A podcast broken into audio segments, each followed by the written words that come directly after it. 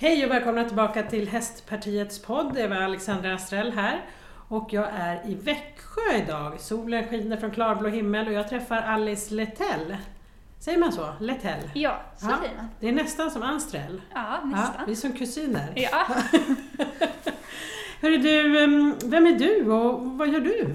Eh, jag heter då Alice och jag är 22 år. Jag har hållit på med hästar hela mitt liv, sedan jag var fyra år gammal. Började med hästarna i rehabsyfte eh, för att stärka upp min kropp. Eh, jag lever nämligen med en funktionsnedsättning som, heter, som kallas för CP-skada men som egentligen heter cerebral pares. Det gör att jag är ganska muskelspänd och därför så hjälper hästens rörelsemönster mig att eh, gå bättre och kunna röra mig bättre och kunna jobba mer och sådär. Och jag driver Instagramkontot och arbetet Ryttarmöjligheter som jobbar för att sprida mer kunskap och inkludera fler personer som har någon form av funktionsnedsättning i framförallt eh, de svenska ridskolorna men egentligen generellt i ridskod, eller ridsporten liksom i stort. Det är fantastiskt. Ja. Jag tänker, du går ju helt utan problem, du sitter inte i rullstol. Nej. Är det vanligt att man... Alltså, då, jag tänker om man ser framför sig någon som har en CP-skada kanske man tänker om er i rullstol. Mm. Finns det liksom... Vad Ja. är det mest vanligt? Eh, Det, är väl, eh, det finns fem olika grader eller steg i CP-skadan. Och jag har den lättaste delen av det rörliga. Alltså jag är väldigt rörlig för att ha CP-skada. Mm. Jag har ju lätt att röra mig. Eh, och sen har vi också olika former av CP-skada. Alltså du kan ha det i antingen halva sidan kroppen, i bara benen, i bara armarna.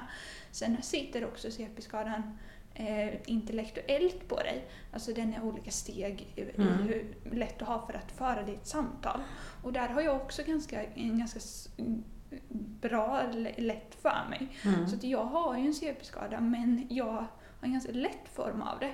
Men därmed inte sagt att jag måste ju ändå jobba för att jag ska kunna orka lika mycket som alla andra.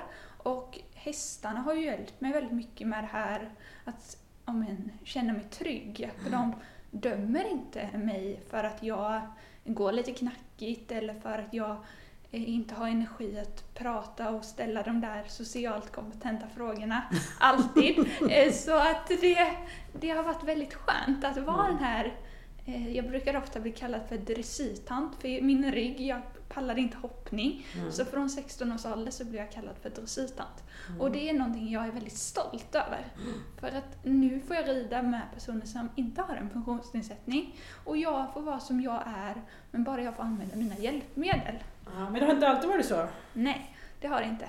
Så eh, var det inte egentligen. Jag började då med hästarna när jag var fyra och fram till jag var tio så red jag i en så kallad funkisgrupp med andra funktionshindrade barn och ungdomar som min mamma hjälpte till att starta upp. Mm. Även hon absolut inte hästintresserad. Vilken grej att Ja, göra det ändå. precis. Eh, Hon såg mitt djurintresse. Så det är jätte, jag är jättestolt över henne för det. Eh, Men jag började rida där och red där i fem års tid. Sen glömde min pappa, som alltid har varit med mig i stallet, att anmäla mig till den här gruppen. Och då fick jag börja rida i vanlig eh, grupp. Men jag hade inte fått lära mig göra i ordning hästen själv. Mm. Så jag var ju inte självständig i stallet. Det gjorde ju att jag kände ju inte mig inkluderad. Jag fick, kunde ju inte, jag hade ju inte galopperat eller någonting som man gjorde i den här gruppen. Så jag blev väldigt särbehandlad och hon, eh, liksom, ridläraren var väldigt så dömande i att men Alice, du kan inte göra det här. De gjorde i ordning hästen åt mig i flera års tid efteråt. Och jag fick, Fastän att du sa att du ville hjälpa Ja. alltså göra i ordning den. Precis. Lära. Jag försökte ju säga men jag blev hela tiden så här: nej men du kan inte.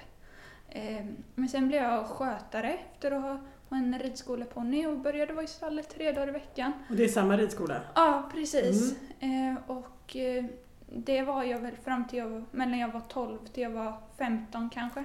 Mm. Eh, och då fick jag ju ta hand om den här hästen, mocka till den, borsta på den, se till att den hade det bra liksom. Eh, och sen så kände jag ju ändå att jag inte fick liksom utvecklas där jag hade mina möjligheter så att säga. Så då lämnade jag ridskolan och började vara på ett avelsstall för islandshästar. Där Mhm. jag fick eh, ha en islandshäst på foder som det heter och ta hand om den som min helt egna. Mm. Och då började jag rida i skogen tillsammans med min pappa som då cyklade eller gick med mig. Mm. Och det var helt fantastiskt för då kunde jag rida ut och vara ute en hel timme utan att bli trött i mina ben. Mm. Det var helt fantastiskt. Eh, och då började jag också identifiera mig som hästtjej. Jag vågade säga i skolan att mitt största intresse är hästar. Mm. Och jag sa inte heller nu när jag hälsade på någon eh, Hej, jag heter Alice, jag har en funktionsnedsättning sa jag tidigare. Mhm. Men nu när jag hälsade på någon så sa jag Hej, jag heter Alice och mitt största intresse är hästar. Mm. Eh, och det för mig är, var en väldigt stor personlig förändring. Eh, och här började också idén gro till att Eh, sprida mer kunskap om parasporten och ridningen.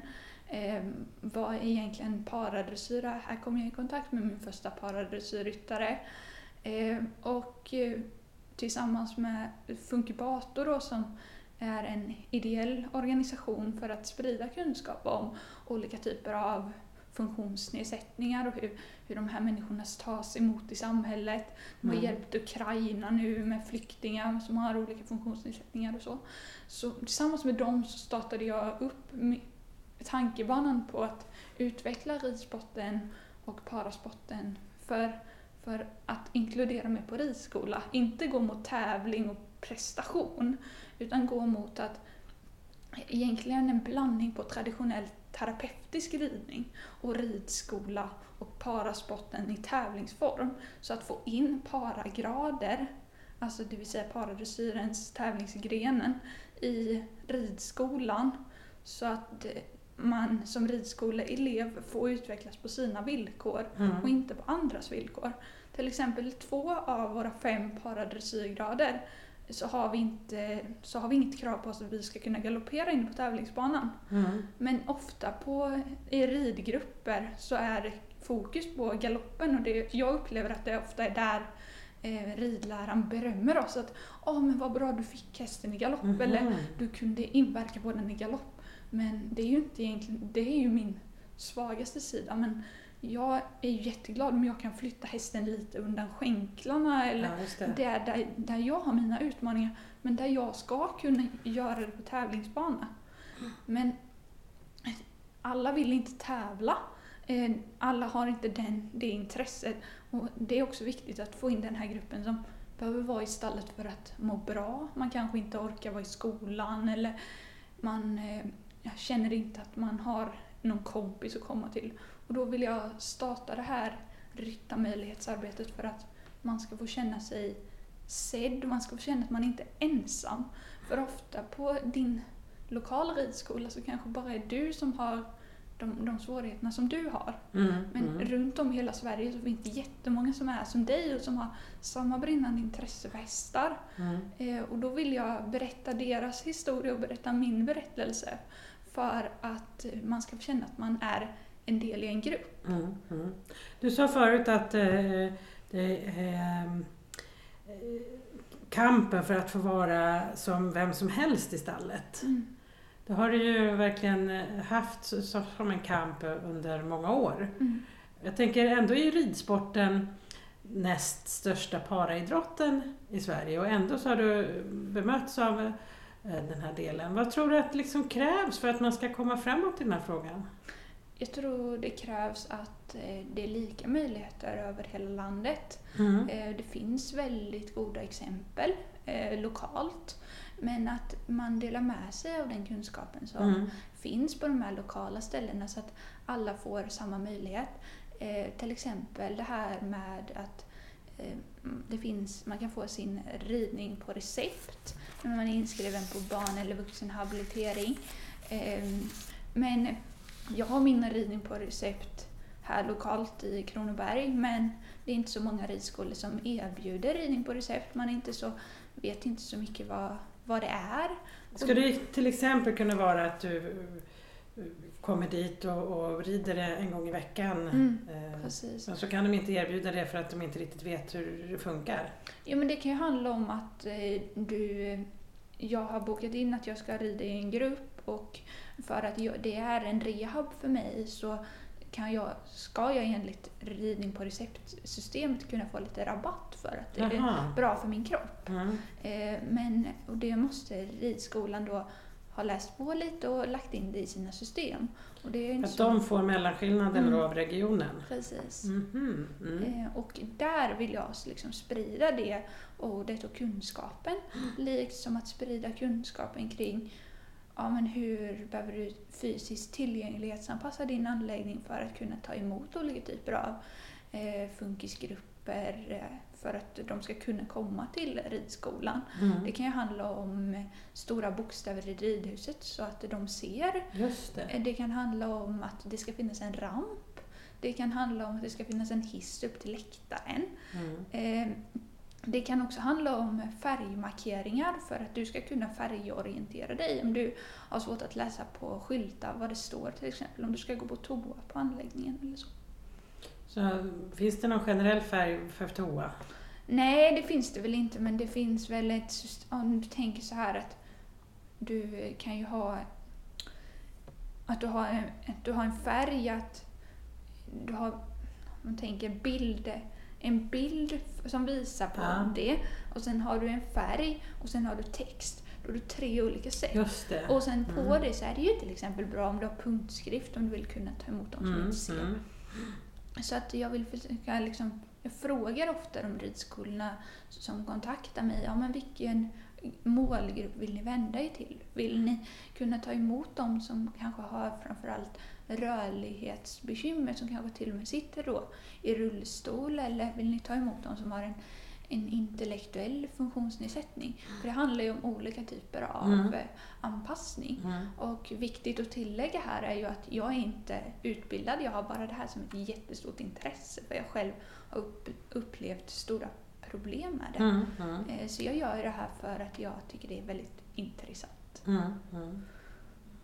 Mm. Mm. Men ditt Instagramkonto, Ryttarmöjligheter, Mm. där försöker du också lyfta fram goda exempel och, och, och även på de som tävlar och även lite sådana här äh, hjälpmedel. Mm.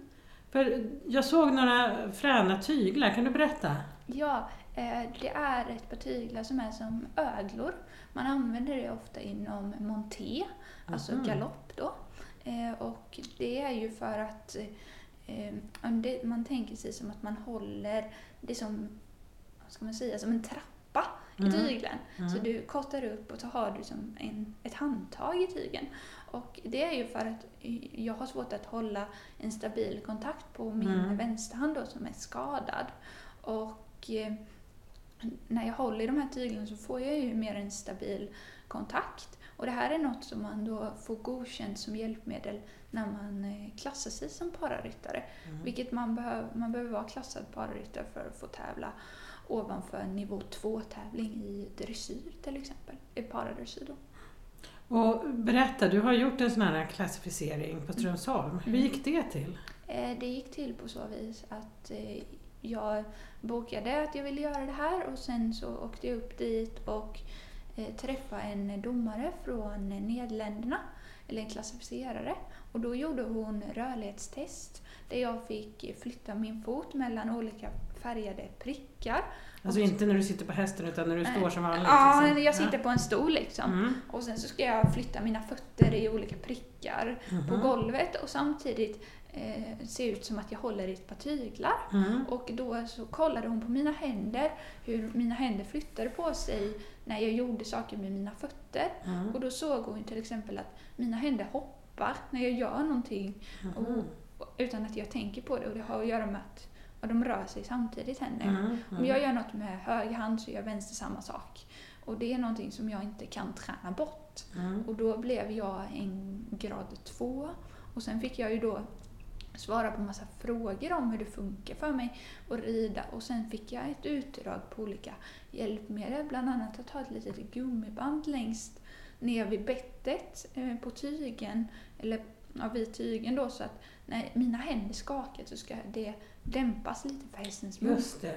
Så det blir ändå en hyfsat jämn kontakt även Ja, fast du precis. skakar till i händerna. Ja, exakt. Ja. Vad har du mer för eh, godkänd eh, utrustning som du får använda på tävling?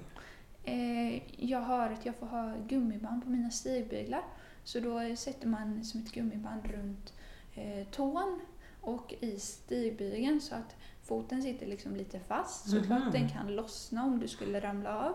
Du gör liksom en kontroll på det så att Mhm. eh, foten kan lossna om det skulle hända någonting. Eh, sen har jag också en korsett eh, runt min mage för att jag ska bli lite mer stabil. För jag är ganska sned i min rygg då jag har skolios eh, som gör att jag, ryggraden är sned på mig. Mm. Ja.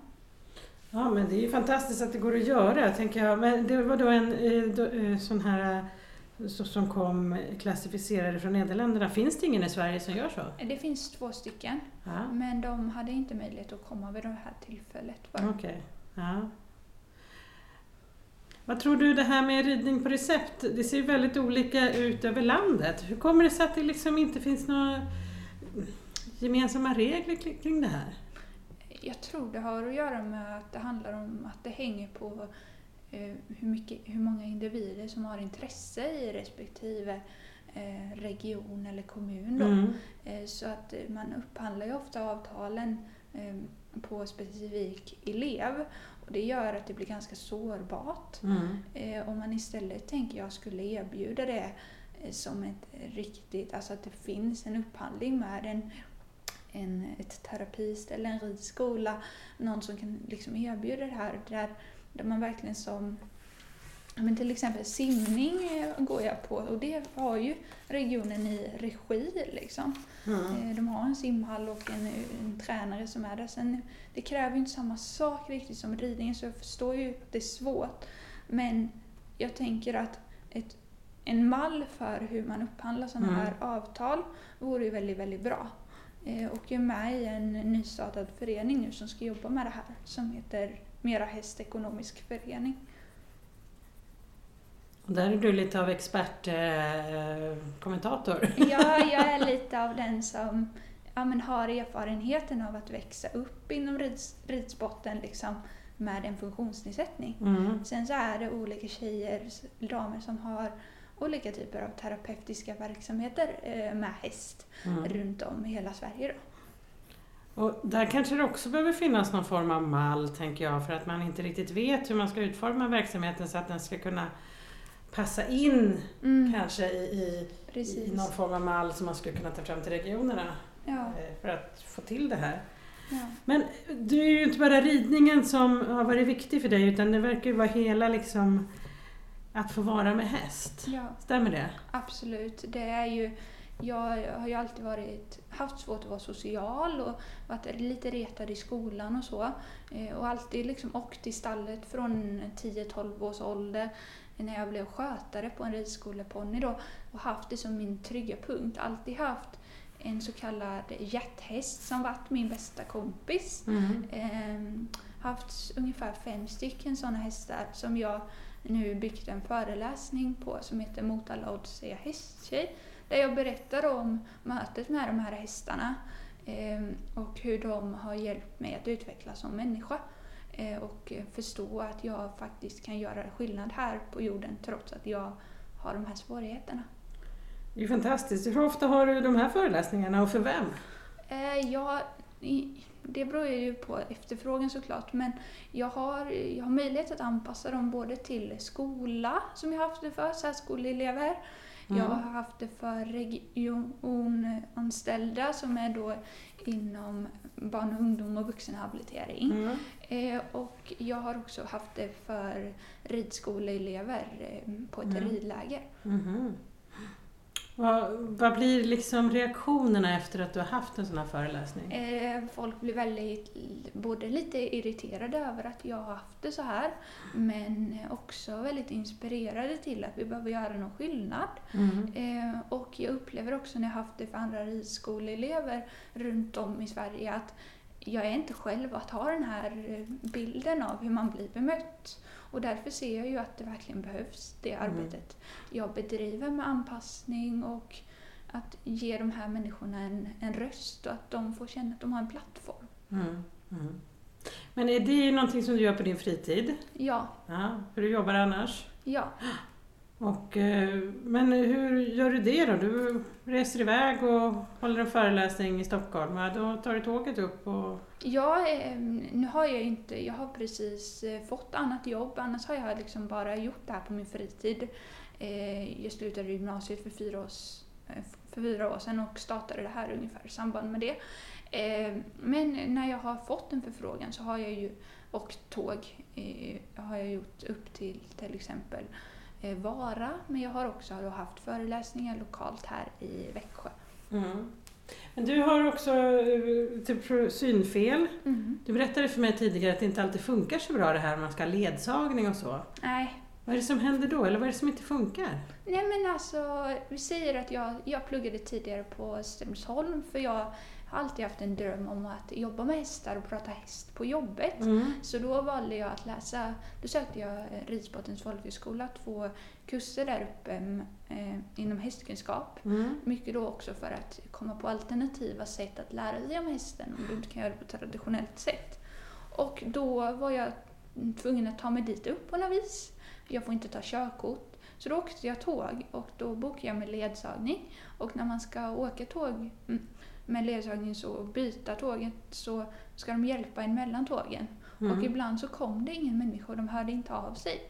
Och då var man tvungen att eh, försöka hitta själv. Mm. Och det kan vara ganska rörigt på tågstationen med 10 minuters byten. Mm. Eh, så det var en väldig utmaning. Ja, Jag förstår. Det var inte som jag hade hit nu. Jag hade 50 minuter i Alvesta i solen. Precis. Ja, men vad tråkigt att sånt där inte funkar. Jag tänker det kan ju egentligen vara helt avgörande Mm. för dig att ett, komma med rätt tåg och sen inte behöva vara superstressad när man kommer fram för, Ja. för det man ska göra. Exakt. Ja. Men jag tänker de som, de som lyssnar nu, vad är det något liksom medskick sådär, om man nu har någon form av funktionsnedsättning, eh, har du något tips till dem? Ja, men det är väl att eh, titta på eh, andra paradressyrryttare och försöka liksom, vi har en eh, vi har ett väldigt gött, tycker jag, community kring de här ryttarna som Mm. alla är väldigt hjälpsamma när man frågar om jag har den här och den här svårigheten. Eh, vad tror du jag kan behöva för hjälpmedel? Mm. Eh, sen tycker jag man ska vända gärna till mig så kan jag lotsa er vidare kring till någon som är, eh, kanske har dina svårigheter och kan ge dig eh, bra tips. Eh, men också tänk på att när du är i stallet och du upplever en svårighet det finns jättemånga andra barn, ungdomar, vuxna som upplever exakt samma sak som du. Du är inte ensam och det, du är jätteduktig där du har dina möjligheter. Och alla är, är accepterade i våran ridsport på våra villkor. Det tycker jag är jätteviktigt. Och Mm. att man pratar med sin ridlärare och säger eh, ja, men jag har inte möjlighet att inverka på hästen i, i galopp eller i trav. Kan vi inte fokusera lite mer på skritten? Att jag ska kunna göra någonting där. Att man sätter upp mål utifrån sina egna förutsättningar och inte Mm. utifrån sina ridkamraters eller de man rider med, deras förutsättningar. Man utgår från sig själv. Och det är ju egentligen till alla ryttare oavsett funktionsnedsättning eller inte. Eh, Tävla inte eller utmana inte dig eh, mot de som är, har kommit längre än dig utan titta på vad du själv kan utveckla, Mm. eh, tycker jag. Mycket klokt. Mycket klokt. Jag tänker, om det är nu någon som driver ridskola som lyssnar på det här, vad, vad skulle du vilja skicka med till dem? Jo, men att eh, man inte... Ja, men så här. Du ska inte tänka att den här ryttaren är... Har, om mamman kommer in och säger ja, men min flicka hon har en CP-skada i mitt fall. Eh, döm inte den eleven för att den har de här svårigheterna utan titta på vad den vill lära sig och fråga eleven ja, men vad, vad vill du lära dig idag, vad vill du träna på? Jag brukar jobba så med min ridlärare att hon brukar fråga mig men vad är dagsformen idag? Eh, och säger jag att ja, men jag är ganska pigg idag, då kanske vi tar lite galopp den lektionen och försöker inverka lite. Men är jag inte i det modet och jag är stel, då lägger vi mer fokus på skritt. Mm. Så att man utgår från dagens förutsättningar. Och att man inte heller kanske behöver utgå ifrån när man har en grupp med personer med funktionsnedsättning. Att alla behöver inte göra samma sak utan Nej. du har olika förutsättningar att inverka på hästen. Då kan du få en speciell övning som du ska träna på så att du utvecklas, där du har dina möjligheter och förutsättningar. Det tycker jag är ett väldigt bra, en Mm. bra sak att tänka på. Ja, det var jättebra. Att- Och att det då kanske inte alltid blir som man har planerat utan det Nej. kan bli något helt annat men Man ändå blir vara- väldigt bra. Det, man behöver vara lite nytänkande. Ja. Det är väldigt viktigt. Och inte vara rädd för att eh, testa på att använda olika typer av hjälpmedel då såklart. Nej, precis. Du, eh, det här med nytänkande är ju viktigt i alla former tänker jag. Eh, Om du vore politiker och minister i Sveriges regering och ansvarade just för hästfrågor, kanske som idrottsminister eller landsbygdsminister. Och Om du fick en dag att bestämma någonting på, vad skulle du vilja bestämma för att förbättra för Sveriges hästnäring? Det skulle nog vara att eh, ja, men just jobba med det här med ridning på recept. Att se till att det blir nationellt, att alla på något sätt ska kunna erbjuda det. Det ska finnas en, en, ett system om det behövs på en ridskola så ska det inte ta flera månader att få igång någonting utan det ska finnas något nationellt som man kan hämta Mm. och använda eh, för att det ska kunna ske nu när det behövs och inte om ett halvår.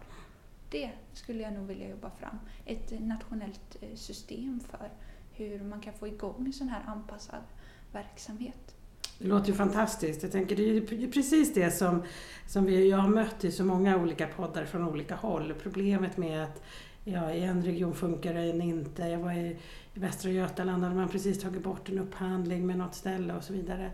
Eh, Men ja, vi som håller på, vi vet ju hur bra det är, hur bra man mår med att Mm. vara med en häst. Precis. Du, Ja. Det är ju likgiltigt att skritta en halvtimme som att gå en timme. Liksom. Det är ju så. Det väcker lika mycket i kroppen. Mm. Och du Mm. lär dig gå när du rider på ett annat sätt för att du, du väcker din kropp. Liksom. Mm. Jag går aldrig så stabilt som efter jag har ridit till exempel. Mhm. Mm. Vilket jag tycker är ganska häftigt. Men att rida med skolios då, som du har i din rygg, du får inte ont i ryggen av att rida? Eh, jo, eh, lite grann. Och Galopp och, och när, när hästen har ganska stora rörelsemönster och jag tappar balansen, då kan jag få ont. Hoppning klarar jag heller inte av. Eh, det har varit det största bekymret när jag red på traditionell ridskola innan. Att eh, ofta har man upplägget dressyr en lektion, en lektion i veckan, sen har du dressyr en gång till, sen har du markarbete och så har du hoppning. Mm. Och det passet som det var hoppning, då var jag ju tvungen att hoppa fast jag hade ju jätte, jätteont. Jag kunde liksom knappt röra mig efter ett hopppass för att det blir sån spänning i min rygg när Ja. jag landar för jag kan inte, jag ser ett inte hindret och jag kan inte liksom hålla balansen över.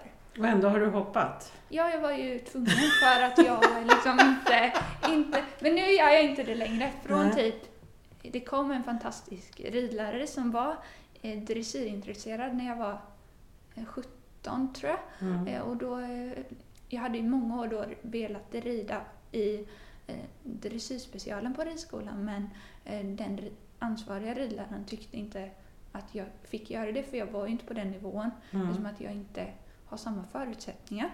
Ehm, Men den här ridläraren som kom, hon lät mig börja rida i dressyrspecialen. Mhm. Och då märkte jag ju att jag fick ju mycket mer rehab utav ridningen för att Mm.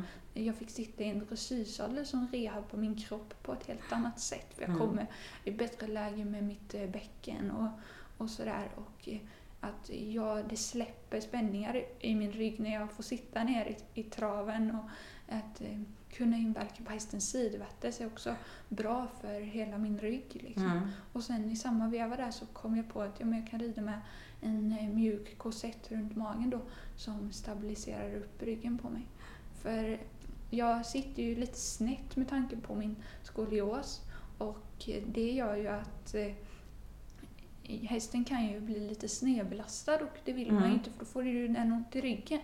Därför är jag väldigt mån om att när jag i framtiden vill ha egen häst så vill jag ha ytterligare en ryttare till min egna häst. Som är lite sned åt andra hållet. Ja, men som är lite sned åt andra hållet så den kan hjälpa till. Eller att den personen kan avlasta och arbeta hästen på marken. Mm. Och kanske hoppa med den så den får den här varierade träningen. Mm. För jag är extremt mån om hästen. Mm. Även om jag kanske inte har den förutsättningen att göra allting med hästen. Liksom. Mm. Mm. Nej, men så är det, det är viktigt att ha, eh, ha en hel häst, Mm. likväl som vi håller oss själva hela. Exakt. Ja, men det var skönt att slippa känna också den stressen över att du kanske måste hoppa om två eller tre lektioner. Mm. Ja, det är fantastiskt. Du, har du någon favorithäst genom åren här? Eh, ja, eh, hästen som hjälpte mig starta upp hela ryttarmöjlighetsarbetet eh, heter ju Kevin. Ja. Och det var en eh, häst från Nederländerna, en eh, liten stor häst som han var 20, 21 tror jag när jag träffade honom första gången. Och eh, han började jag rida hos min nuvarande ridlärare Emma eh, för fyra år sedan. Eh, då jag hade tappat liksom intresset för, eller tappat glädjen till stallet efter att jag blev bränd av en mamma som inte behandlade mig väl på min dåvarande ridskola. Ehm, Så då var jag faktiskt på en klinik med Jens Fredriksson Mm. här i Växjö Mm. och träffade den här tjejen då som var kompis med några nära vänner till mig. Ehm, Och så sa hon att jag har nog en häst som skulle passa dig. Och så åkte jag till henne och red och det var första gången jag kunde, när jag satt på den hästens rygg första gången så kunde jag liksom inverka, få hästen att arbeta i korrekt form. Mm. Och det hade jag aldrig lyckats med innan.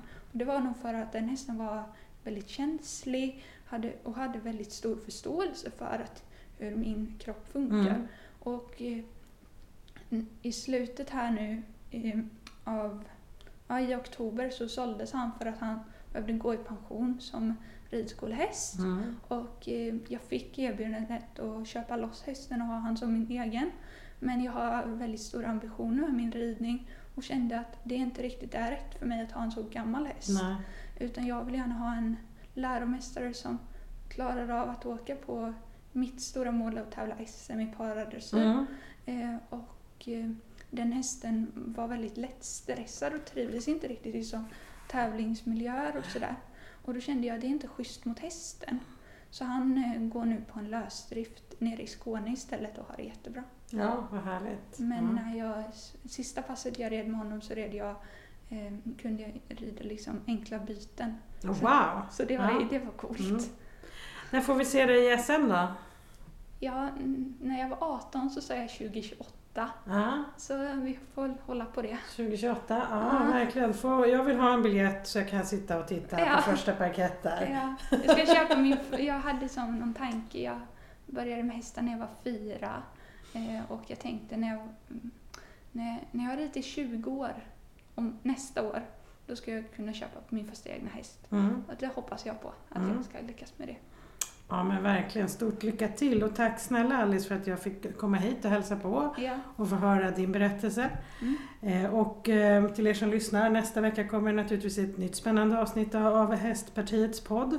Och så önskar vi Alice all lycka och så ser vi fram emot Para-SM 2028. Mm. Eller kanske tidigare. ja. Ja, bra, tack för idag, hej! Hej.